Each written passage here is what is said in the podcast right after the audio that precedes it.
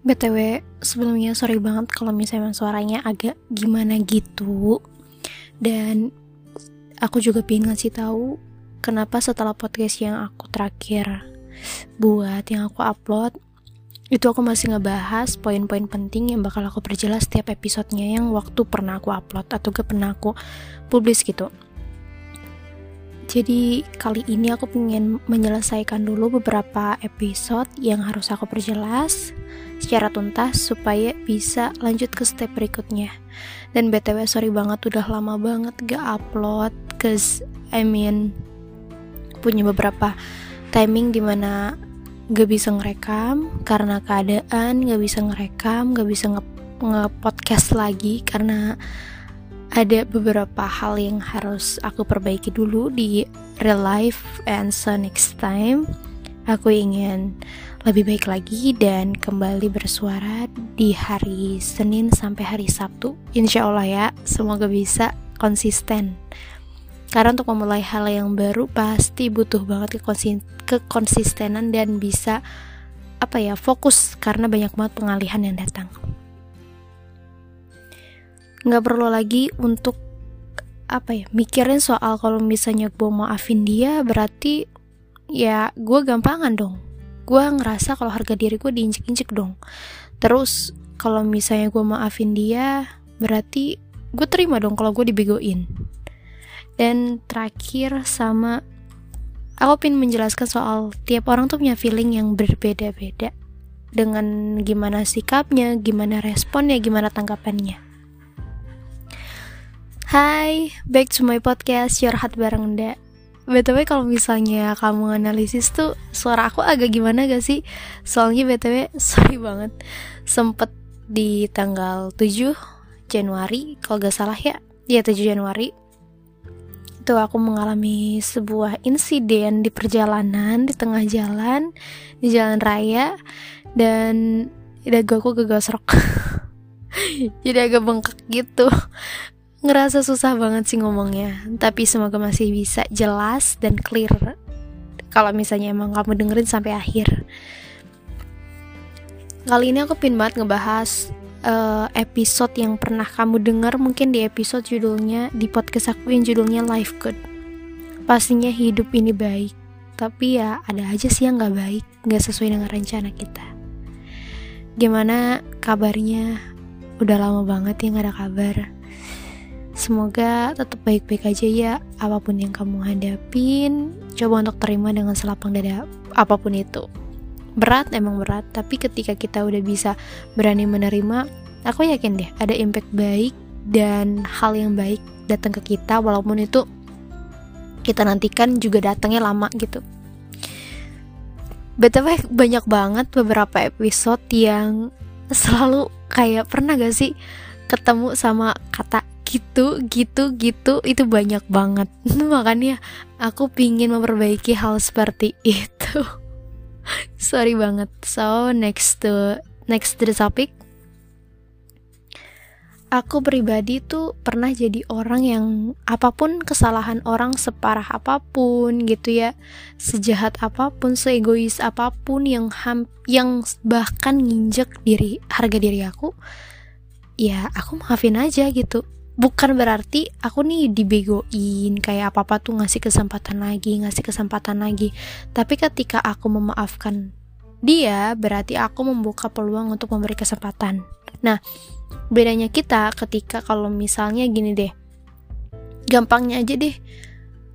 Lu udah ngebuat dosa sebesar apa pun, sebesar kayak besar banget, malah kayak seolah berzina tuh lebih parah dari pembunuhan atau enggak apalah pokoknya sorry ya kalau misalnya perkataan tadi aku bawa zina sama pembunuhan itu juga masih belajar ya antara dosanya lebih besar tuh yang mana. Pokoknya dosa besar yang sebesar besarnya sampai lu tuh nggak sadar kalau itu dosa besar.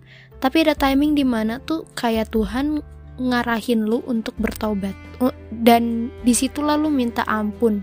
Dan Tuhan maafin terus.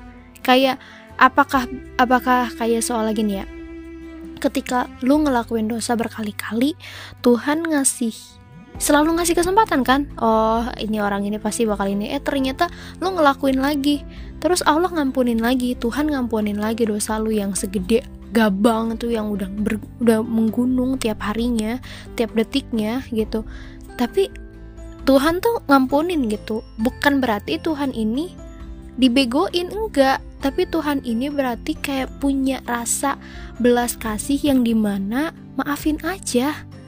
Aku tahu kok separah apa pun yang kamu hadapin. Ada orang yang ngebunuh, ngebunuh orang orang tersayang. Ada orang yang nggak sengaja ngebunuh pacar kamu. Atau apa pun itu yang benar-benar parah banget di luar pikiran kita dan pasti kita mikirnya tuh kayak berlebihan tapi kan emang setiap orang kan punya feeling yang beda-beda.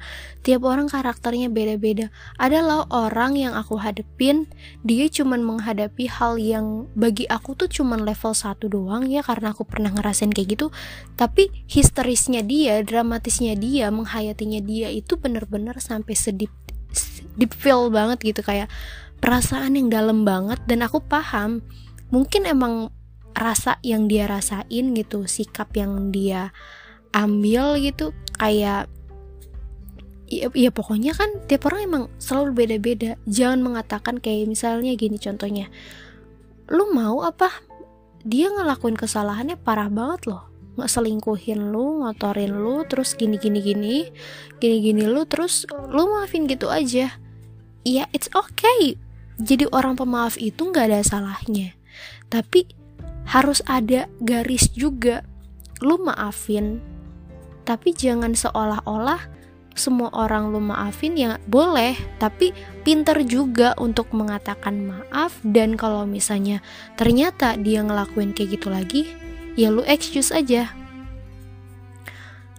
Kayak lu ya udah move on aja gitu. Udahlah biarin aja hidup dia kayak gitu cari yang baru. Makanya kenapa aku sejauh ini waktu SMP SMA ya selalu banget orang ngerasain kayak nyakitin perasaan aku sampai pada saat itu jujur ya mungkin itu berlebihan tapi bagi aku itu perasaan yang perih banget yang aku rasain. Bayangin aja timing di mana aku suka sama orang aku dikatain jelek aku dikatain kayak ngapain sih suka sama Firda gitu? Terus juga ada timing di mana uh, aku ngelakuin sedikit kesalahan tapi ngebuat orang itu sampai marah besar banget sampai aku minta maaf pun itu kayak percuma kayak sia-sia nggak ada gunanya. Dan di situ orang itu bilang kayak lu mendingan matiin HP lu daripada buang-buang pulsa. Karena waktu itu zamannya SMS-an ya. Uh, buang-buang pulsa SMS nama gua, ngomong sama gua, terus lo loncat dari lantai 5. Pada saat itu aku lagi menempati kamar di lantai 5. Jadi aku waktu kelas 8 tuh ditempatinnya di lantai 5. Bayangin aja kayak ngerasa sakit hati banget, udah gitu dibenci satu angkatan ketika datang ke rumah makan sinisannya itu kayak seolah menghipnotis aku untuk gak makan di situ sampai aku punya masalah problem yang besar sama orang tua karena boros banget pada saat itu. Terus sadar juga kayak ya kenapa gua nggak akhirin hidup aja ya? Udah banyak dibenci udah dipandang jelek. Tapi tapi di situ anehnya ada timing di mana aku maafin Aku maafin walaupun sulit banget untuk mengatakan maaf dan mengikhlaskan semua yang aku rasain itu berat banget gitu ya. Kayak gimana sih perasaan orang yang dibully, gimana perasaan orang yang selalu dihina setiap padahal itu teman sendiri? Itu sakit men. Gitu. Kalau belum pernah ngerasain kalau misalnya lu bilang ini berlebihan ya coba lu rasain gimana rasanya dan lu bakal tahu walaupun itu acting walaupun itu cuman bohongan doang tapi ya coba lu nikmatin deh coba lu menghayati banget. Itu rasanya bukan main guys. Dan di situ aku maafin dia tapi bukan berarti aku ngasih kesempatan yang baik buat dia untuk lebih baik lagi tapi aku ngasih kesempatannya ke orang lain. Jadi beda ketika kita maafin orang terus kita terlalu polos gitu loh untuk mengatakan ya gue maafin. Tapi kita harus bisa tegas juga. Paham gak sih? Kayak misal gini deh. Uh, dia udah ngelakuin kesalahan yang parah banget yang fatal banget yang di luar nalar pikiran kita yang kita nggak nggak nyangka ternyata dia ngelakuin hal yang kayak gitu. Hal yang menjijikan hal yang kotor hal yang najis gitu ya. Terus di situ kamu maafin banget dengan lapang dada menerima kalau dia orangnya kayak gitu terus di situ kamu masih berhubungan lagi sama dia. Kayak ini sebuah tamparan yang besar supaya kamu oke okay, kamu maafin tapi please jangan berhubungan lagi. Jangan kalau emang mau ya temenan aja. Kan kalau temenan kan sama aja kita nggak mutusin tali silaturahmi. Jadi di sini paham ya ngebeda ini gimana kalau misalnya kita seorang pemaaf kita pemaaf tapi nggak juga gak juga jadi orang yang dibegoin. Kayak maafin iya aku maafin. Terus kamu kasih kesempatan dia ngelakuin hal yang parah lagi iya aku maafin. Kayak lapang dada boleh cuman ada timingnya di mana ya kita harus tegas supaya dia sadar. Kita bukan orang yang gam digampangin bukan orang yang berhak diinjak-injak harga dirinya. So excuse buat orang-orang yang kayak gitu. Dan untuk pesan kali untuk pesan terakhir di podcast ini entah judulnya apa. Jangan menyepelekan apa yang dirasakan ke banyak, banyak orang. Mereka itu bukan berarti terlalu berlebihan atau menghayati. Aku jadi inget deh. Aku baru tahu dari teman aku pas aku nginep Fajar Set Boy di situ pasti kita menganggapnya kayak berlebihan, terlalu alay, terlalu ini, terlalu menghayati, puitis atau apa pun itu. Tapi itu perasaan yang bener-bener dia rasa ini itu sampai kayak gini lah istilahnya ya. Kamu pernah pasti pernah aku jamin hati kamu itu masih baru masih utuh masih utuh yang gak pernah lecet sedikit pun. Tapi ada orang yang cuman deh ngasih harapan palsu kayak cuman deh ngejanjiin kita bakal ketemu tapi kamu udah nungguin satu jam terus dia nggak datang datang dia nggak ghosting. Itu lecetnya itu malah buat kita perih banget. Kayak soalnya gini nih aku kan kecelakaan terus posisi ya kaki aku tuh bener-bener kayak it's like uh, mulus gitu ya mulus bener-bener gak lecet tapi ketika kecelakaan itu kaki aku mulus dan rasanya itu perih banget. Emang gak sampai kelihatan kayak gak sampai histeris banget darah ngucur banyak tapi perihnya itu prosesnya perihnya itu untuk penyembuhannya itu bakal lama dan sakitnya bukan main Nah, jadi paham ya di sini.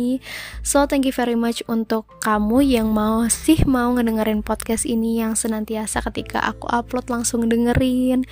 Padahal aku nggak promosi. Tapi kali ini kayaknya podcast-podcast yang kayak yang harus aku benar-benar promosi ya tetap promosi sih tapi ya nggak tau lah karena aku bakal berubah pikiran so thank you very much and see you next time bye